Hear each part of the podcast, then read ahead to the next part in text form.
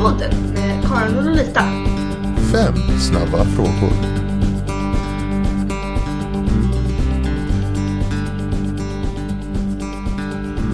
Ja, men nu är det jag, Karin, som sitter här tillsammans med, vem då? Med Johanna Geibrich. Oh, då tar vi fem snabba frågor. Ja, spännande. Börja med att beskriva ditt förhållande till HK just nu. HK just nu är en stor del i mitt yrkesliv då jag är en del av eh, utbildningen av framtida HK-lärare Ja, på Högskolan Kristianstad. på Högskolan i Kristianstad. Ja. Eh, fråga två. Kan du nämna en ingrediens som du aldrig har använt men skulle vilja använda i undervisning?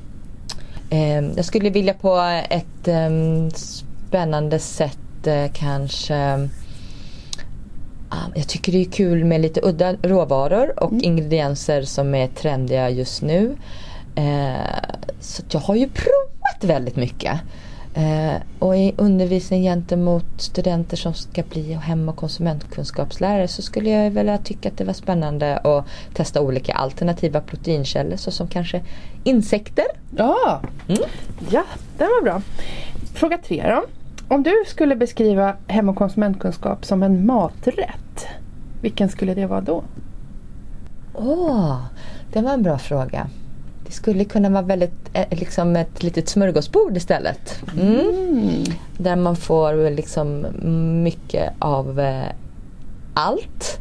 Där det handlar mycket om både tradition, där det handlar mycket om råvarukännedom och identifiering av olika ingredienser som kan finnas på ett smörgåsbord.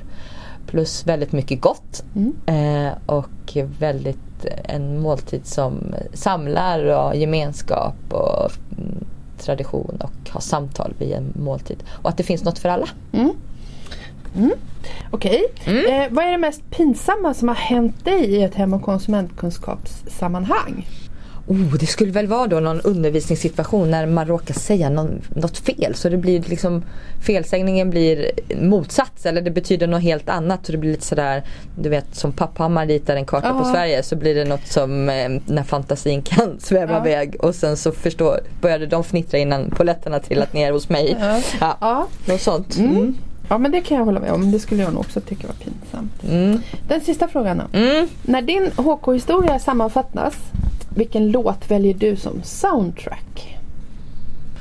Oh, eh, svår fråga men jag tänker att nu säger jag likadant som med, smörgåsbordet där. Kanske någon härlig medley med väldigt mycket glada låtar som väver in både svensk glad pop och lite internationella influenser och något som ger en lite självförtroende och kanske vill dansa.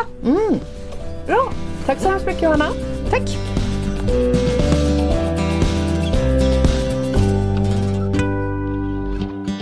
Du har lyssnat på HK-podden. Gå gärna in på hemsidan hkrummet.se